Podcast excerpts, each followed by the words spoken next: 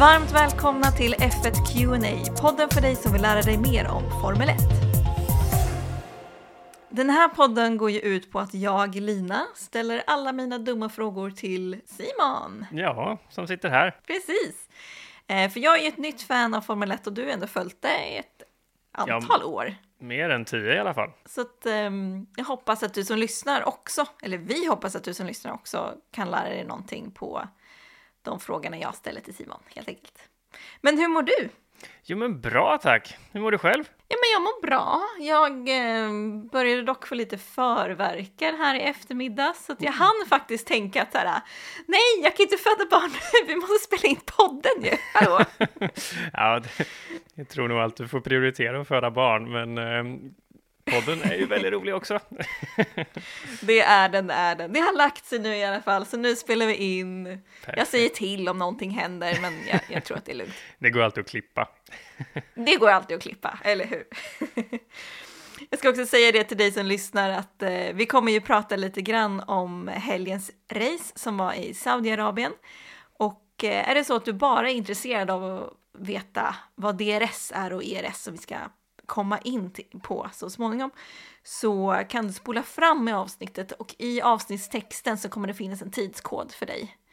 Så du måste inte lyssna på vårt lilla försnack inför. Men vi vill ju ändå hinna prata lite grann om vad som hände Ja, i verkligen. Saudiarabien. Så vi kan ju börja, det var ju ett väldigt eh, händelserikt kval till en början. Ja, Eller men mycket överraskningar i alla fall skulle jag säga. Både Ja. att Perez lyckades efter över 200 försök och faktiskt ta en pole position. Det var ju superroligt att se tycker jag. Helt otroligt och det är väl något slags rekord om jag förstått det. Det kanske det är. Det är mer än jag visste faktiskt, men det är det nog. Det skulle inte förvåna mig i alla fall. Ja. Två- 215 gången. Precis, 215 gången gilt någon tar en pole position. ja, det är ju Eh, det är imponerande. Bra krigat av eh, Tjecko. Och kanske åt andra hållet så var det ju väldigt intressant och eh, beroende på om man är ett Hamilton-fan eller inte så väldigt ledsamt att se att han, han åkte ut i Q1. Det var ju tidigt. Ja, alltså vad hände där? Ja, jag fick Han var inte, inte tillräckligt snabb eller? Nej, jag fick inte ordning på paketet. Hela, hela setupen och allt kopplat till egentligen. Det, det var ju, jag blev så förvånad alltså. Ja, men det- det är ju man är ju inte van vid att se. Han brukar ju alltid ta sig till Q3. Ja, Alltid. ja, ja, verkligen. Visst var det 2009 som han sist åkte ut ur Q1 på grund av att han inte var snabb nog? Ja, men det stämmer nog. Det, det var ju sjukt länge sedan. Då är det över tio år sedan alltså. Det är ju, Ja, ja.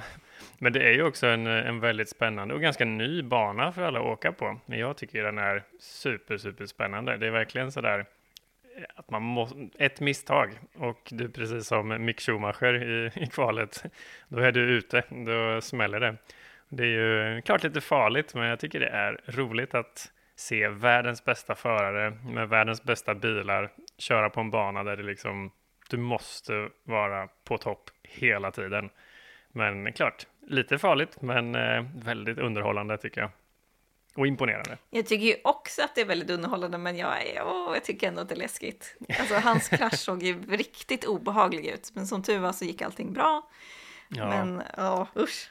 Ja, jo, det är lite läskigt, men det, det är också, det är lite det som kitt, är kittlande också, att det, att, att det är lite, det är ju lite farligt att köra i 340 kilometer i timmen och ha väggar på sidorna.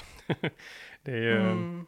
och de klarar ju av det så otroligt bra, så att det är ju, det är ju imponerande på alla sätt och vis. Det är det verkligen.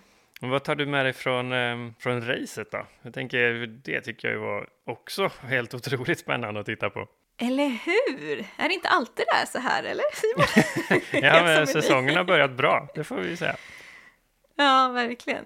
Nej, men ehm, det var ju tråkigt för Snowda som hade så otroligt eh, otur. Han eh, kör ju för eh, Alfa Tauri eh, som inte ens eh, hann starta för att Nej. bilen la av. Han behöver nog en, Jättetråkigt ju. han behöver nog en kram. Det var ju vattensystemet som inte funkade för kvalet och sen var det någonting Mm. med motorpaketet. Jag vet inte, kommer inte ihåg detaljerna, men som gjorde att han inte kunde starta på racet heller.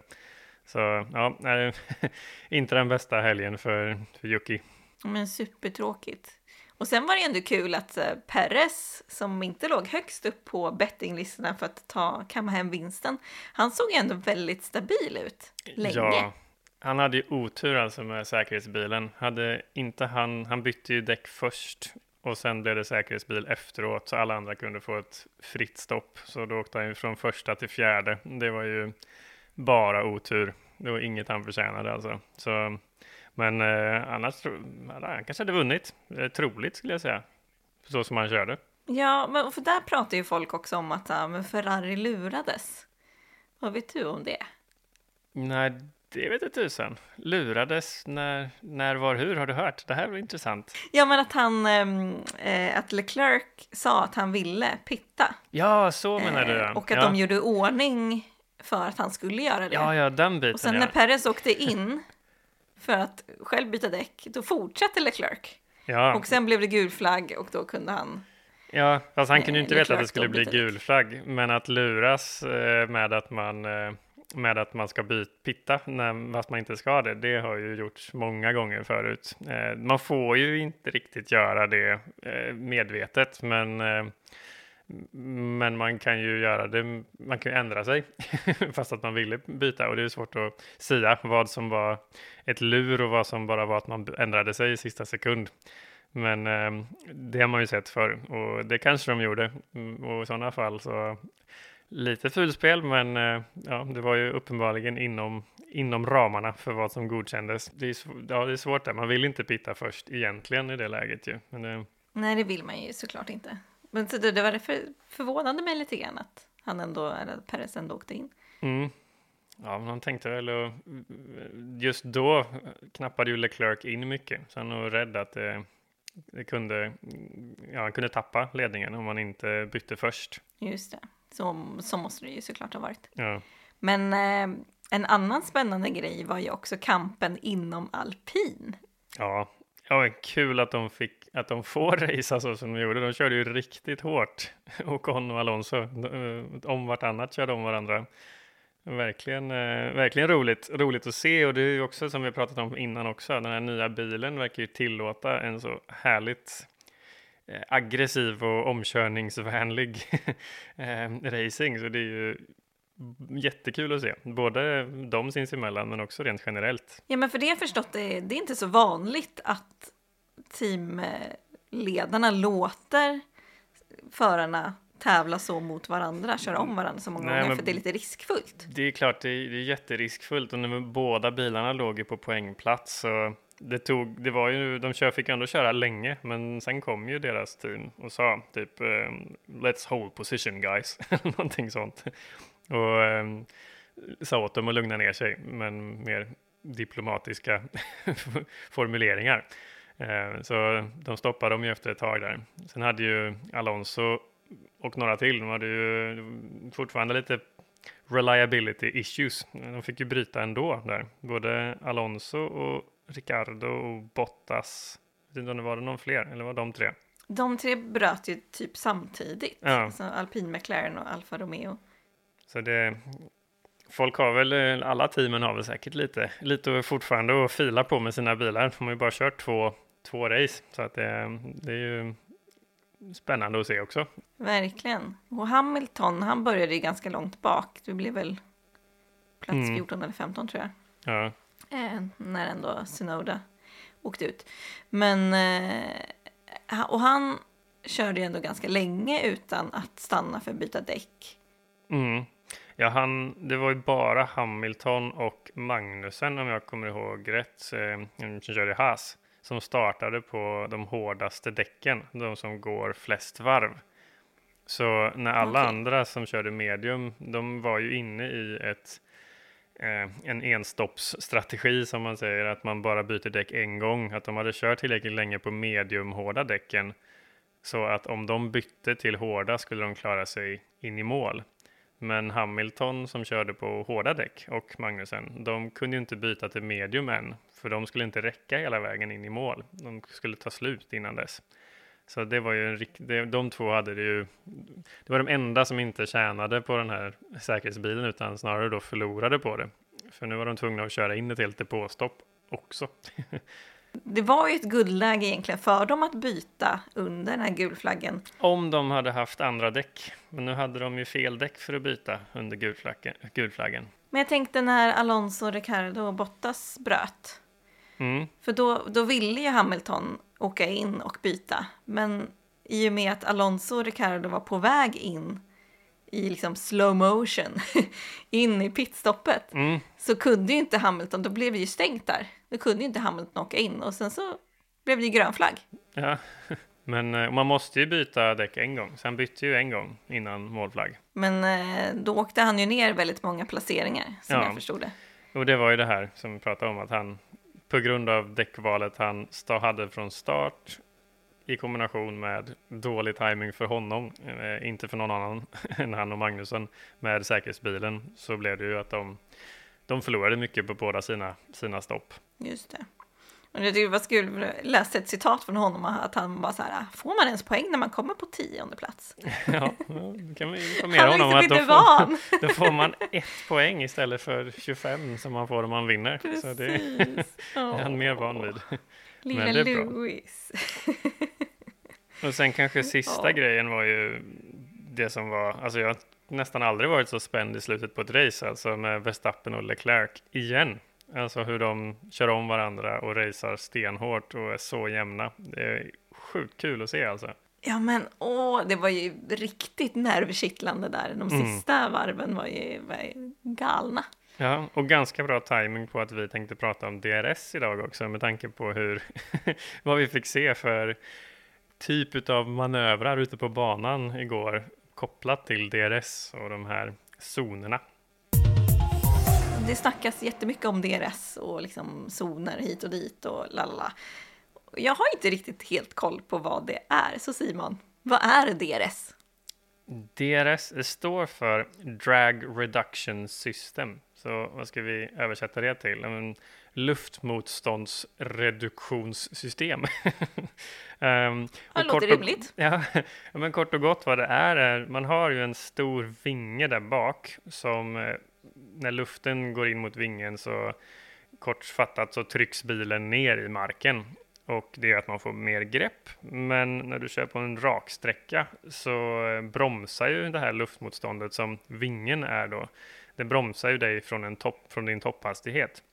Så då har man eh, det här DRS-systemet som är som en, som en lucka eller man säger, en vinge i den här vingen som man då kan fälla upp så att man helt enkelt får ju mindre då tryck neråt. Men man har också då lägre luftmotstånd på bilen, vilket gör att man kan köra Eh, det är olika från bil till bil och bana till bana, men jag vet att FIA, de, eh, de gissar att man ska få runt 10-12 kilometer i timmen högre hastighet eh, på grund av att man öppnar den här luckan då i vingen. Så det är väl i korthet vad DRS är. Få bort lite luftmotstånd på, för att kunna lättare köra om egentligen. Men varför får man inte alltid ha det så? Ja, men man, man införde det här för drygt tio år sedan, jag tror det var 2011. Och sen har det väl ändrats lite med reglerna och så kopplat till det. Men anledningen till att man införde det är egentligen exakt samma som anledningen till de här nya bilarna som vi har pratat om tidigare också. Att man ville få mer spännande racing. Och en stor komponent i spännande racing är att man ska kunna köra om. Så då skapade man den här DRS-funktionaliteten och kopplade det till vissa regler på banan. Så att eh, om man jagar en annan bil så ska man få en liten fördel eh, som jagande bil. Så att det ska vara lite lättare för en jagande bil att köra om den som ligger framför. Då. Och, eh, så det ska bli mer spännande att titta på kort och gott. Och spännande blev det ju minst sagt Ja, mellan minst sagt. Verstappen, Verstappen och eh, Leclerc. Ja, Men jag vet också att eh, Verstappen klagade på att Leclerc inte hade passerat någon viss DRS-linje eller något sånt. Och vad är det för något då? det här systemet då, när man ska få öppna den här flärpen eller klaffen i vingen för att få lägre luftmotstånd. Ehm, det, det finns vissa regler kopplat till det, bland annat att man inte får använda dem de första två varven av ett race till exempel, eller de första två varven efter en omstart bakom säkerhetsbil. Men när man ser under ett vanligt race så handlar det om att du ska ligga inom en sekund mot framförvarande bil. eh, som den du jagar och försöka köra om för att få använda DRS. Men inte bara en sekund var som helst, utan då har man de här linjerna som du ser. Det är de finns lite olika då, men det första är ju det som kallas för en DRS, DRS detection point, liksom, där man mäter den här tidsdifferensen. Det är den här linjen. Så när de kommer mot den här linjen så kommer alltså bakomvarande bil, om den ligger inom en sekund när den korsar linjen, då kommer den att få använda DRSen på nästa då DRS zone eller DRS activation point som i det här fallet då var raksträckan efter svängen. Och eh, ja, därför när de kom mot den här linjerna då så är det ju avgörande vem ligger, vem, vem kör över linjen sist om man är och jagar varandra på det sättet som de gjorde. Den som kör över sist kommer ju ha en stor fördel på nästkommande raka och eh, därför vi såg lite speciella där båda gjorde liksom bromsade så det rök från däcken mitt på en raksträcka. Det är lite ovanligt att se. Man såg ju verkligen att de hade lite olika taktiker och att mm. de utvecklade de taktikerna under liksom, racets gång. Ja, jag, jag tror att Leclerc, han hade tänkt på det här innan. Eh, för han körde ju så sjukt snyggt. I, i, första gången Max körde om honom här i, i slutfasen av racet, då kunde man se hur, för den banan nu i Saudiarabien som vi körde på igår, där fanns det tre stycken sådana här DRS eh, zoner med då en framförvarande DRS eh, detection point som är, där man har den tidsmätningen. Och han eh, låg ju före Max eh, första två och sen så inför den sista så kunde man se att han eh, han bromsade tidigare än man brukar göra, antagligen släppte lite på gasen innan och liksom lät Max köra om honom precis innan den tredje mätpunkten så att han sen fick eh, DRS på eh, den långa start och målrakan och kunde köra om, köra, ta tillbaks ledningen då, tack vare DRS. Så han tror jag hade tänkt på det där innan, men det uppdagade ju i alla fall det väldigt tydligt för Max. och det kunde man ju se sen nästkommande varv hur de började laborera med det där. Ehm, och det där kommer ju också alla förare att lära sig exakt hur man ska hantera nu framöver för att få maximal nytta utav det helt enkelt. Just det, men det är ändå kul att se att de redan nu försöker liksom hitta och laborera mm. vilken taktik som är bäst. Ja, ja men det är ju eh, FIA och hela, liksom, inte förarna själva som sätter vart de här detection zonesen är så, eller de här detection pointsen där man mäter tidsdifferensen. Och ser vi på den kurvan där de i förra racet, där de då bromsade båda två för att ingen ville åka över linjen först. Ehm, det är ju, den var ju precis vid, vid inbromsningen till kurvan innan start och mål. Och då är det inte så farligt att köra lite långsammare för du ska ändå bromsa där. Så jag tror ju att det kommer att flyttas de här DRS detection pointsen, de här linjen som du pratar om. Hade den istället bara flyttats till kurvans utgång istället, då det är så otroligt avgörande att du ska ha med dig fart ut på långa raksträckan, då är det ingen som skulle våga bromsa. Den som är först då kommer att, eh, då kommer båda att gasa max, garanterat.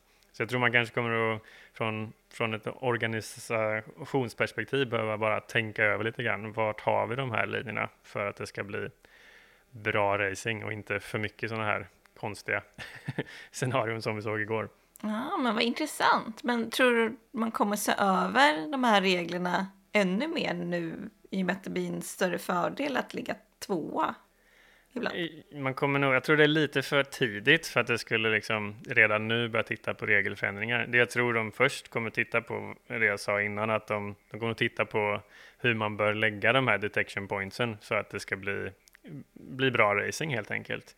Men eh, det får återstå väl att se. Förarna är ju väldigt kreativa och duktiga på att klura ut hur man kan utnyttja alla regler som finns för sin egen fördel. Så får väl se vad som händer. Men jag, jag tror ju till exempel nu när de kom och bromsade eh, så låg de ju side by side, liksom bredvid varandra.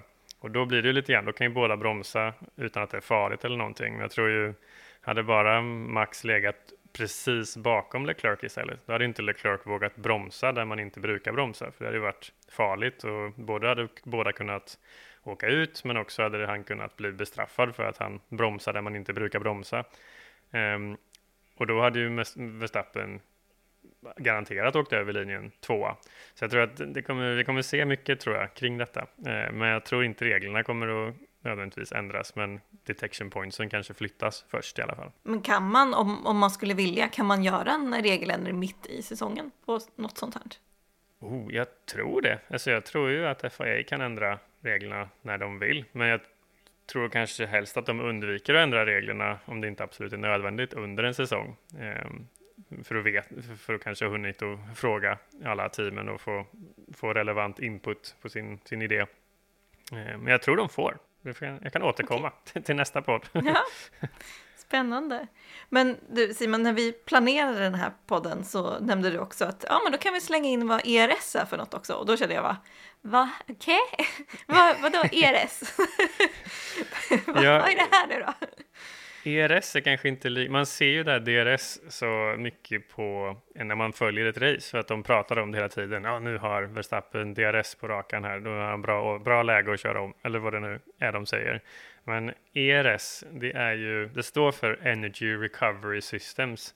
Så egentligen att ett system där bilarna samlar upp eh, energi. Eh, och det kom till när den här den typen av motor som vi har just nu och har haft sedan, eh, vad är det, det är ju 2014 tror jag, va? de här turbohybridbilarna.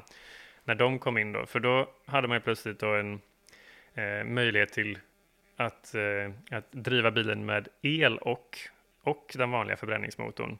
Och då behövde man ju samla in elen någonstans. Man kan ju inte stanna och ladda batteriet under racet. Så då har man den här, eh, har man två stycken generatorer. Eh, en som eh, tar, samlar energi från värmen från turbon eh, och en som eh, hämtar energi från bromsarna. De heter, tror jag, MG, MGUK och MGUH. Det kan man se ibland, men det är lite överkurs. Men det är i alla fall, den ena tar från eh, turbovärmen och den andra från bromsarna. Och eh, vad det gör är att det helt enkelt laddar ett, eh, en, ett batteri eller en ES, Energy Store, i alla dessa förkortningar. och när då föraren använder sig av den här energin så kan man få ut ungefär 160 hästkrafter till det är mer än vad jag har i min bil, extra. Oh, wow. så det är ganska mycket man kan få ifrån från den här eh, hela systemet, ERS-systemet. Det använder man ju också som kombination, som till DRS, så att man använder antingen när man ska försvara eh, en position, då kan man då använda den här energin från elektriciteten, eller kan man använda det när man då ska köra om, så att man verkligen har Eh, man gör, använder både all motoreffekt man har i förbränningsmotorn och all då elenergi man har samlat på sig för att ha bästa förutsättningarna man kan för att köra om helt enkelt. Men finns det där också någon begränsning för när man får använda den och inte? Um, oh, faktiskt lite dålig koll på begränsningar. Jag tror inte att det finns någon begränsning för när man får använda ERS, utan den får de använda som de vill. Men det finns lite olika lägen som man då kan sätta ERS-systemet i. Så att antingen kan man ha det i, eh, i i overtake mode, då tar man ut allting som man kan. Ehm, det använder man ju både om man ska skydda, alltså försvara sig, eller om man ska köra om. Men sen kan man ha det, jag tror man kan ha det i ett mediumläge också, men sen kan man nu då samla in energi också. Ehm, och det är då man brukar se de här lamporna blinka bak på bilarna. Det kan man ju lätt tro om man har kört vanlig bil eller har körkort att det är bromslampor man ser, de här röda som lyser i bak på bilen. Eh, men man har inga bromslampor i Formel 1. Så att, ehm, för alla bromsar på samma ställen ändå och det går så fort så hade du hade inte hade du bromsat baserat på en bromslampa hade du redan krockat. du hade inte hunnit att reagera. Så ehm, det de istället visade är att den här bilen laddar batterierna så den kör lite långsammare än normalt eh, när de blinkar när det är torrt ute. De används som så här dimljus eller vad man ska säga när det regnar och sånt också. Men eh, vanligtvis så är det ju torrt och då när man ser dem då handlar det om ERS när de blinkar. Alltså man kör långsammare med dem när man sparar upp energin? Mm, ja men då. precis. Så att de, eh, de, de, blinkar när bilen då, eh, antingen om bilen kör ovanligt långsamt eller om man laddar batterierna, vilket ofta kanske kan hänga ihop lite grann. Men det är, det är alltså inga bromsljus, lite så här sidokunskap som är kul att veta. Ja, precis. För var det det som Verstappen syftade på? För att han, han klagade ju någon gång på att ja, men Leclercs lampa blinkar inte. Ja, men precis. Jag ser inte den. För, för, det står i, i reglerna att de här lamporna, de måste, de måste alltid funka. Ehm, och han sa ju att, de, att han såg att de inte funkade, kommer jag ihåg också, att, att, att jag hörde när jag såg loppet. Men det verkar ju som att att Leclerc fick ordning på det eller något annat, för annars så har jag svårt att se att det skulle gå helt obemärkt förbi om man inte hade dem fungerande ett helt race. Men jag har faktiskt inte, inte läst något mer om det. Nej, det var bara det jag reagerade på. Att så här, han, han klagar på att han inte såg. Och jag tänkte att det måste vara någon taktikgrej. Mm, nej, att... nej, utan man får absolut inte eh, stänga av de här lamporna. Eller, utan de, de har en, en väldigt tydligt regelverk kring hur lamporna ska funka helt enkelt. Så mm.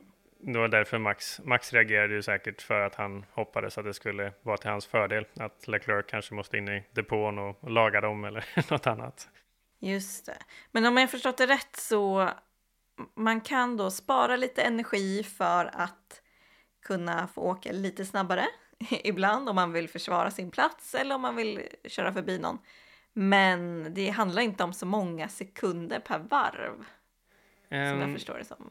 Nej, men jag tror man brukar säga att eh, de här 160 hästkrafterna extra som ERSen kan, kan ge, de, eh, de räcker ungefär för 33 sekunder av ett varv.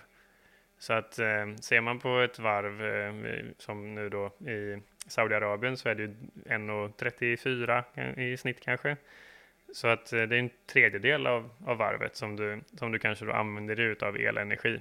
Okej, okay, så att man får liksom väga för och nackdelar. Så här, ska jag spara lite energi nu så att jag kan mm, försvara mig eller ska jag bara köra på? Ja, precis. Så typiskt kanske du när det är tajta partier som svänger mycket som är väldigt svåra att köra om. Då kanske det är, och du har själv inte precis just nu något läge, då är det ju typiskt bra att ladda batteriet för att du vet att även om du kör lite, lite långsammare nu här så är det ändå nästintill omöjligt för bakomvarande bil att köra om mig.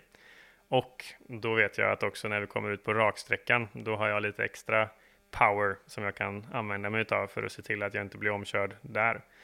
Alternativt då eh, åt andra hållet såklart, att du, du håller på att jaga på någon, då vill du försöka strategiskt och ladda upp batteriet där du inte förlorar så mycket tid. Ehm, så att du har batteriet fullt när, det, när du vet att du kommer till ett ställe där det, det finns en möjlighet att köra om. Okej, men alltså, oh, det är det här jag gillar med den här sporten, att det finns så många liksom små, små grejer som man kanske inte har koll på från början, ja. om man är nytt fan. Eh, men som man kan nörda ner sig i och det finns så mycket taktik i minsta lilla grej för teamen. Ja, ja, ja, det tycker verkligen. jag är väldigt kul. Ja, det, ju mer man gräver, ju mer finns det tycker jag. Jag blir bara mer fascinerad ju mer jag, ju mer jag läser på om hur, eh, ja men bara hur under ett varv, det är en, en hel side-note, men när du säger det här med att det finns mycket strategier, att hur många inställningsförändringar chaufförerna på vissa banor framförallt då, men gör i bilen under bara ett enda varv för att optimera. Liksom. Det, det är inte bara att köra. Nej, det är inte bara köra och bromsa utan, och växla, utan man ska... det finns så mycket andra knappar. Ja. Man kan...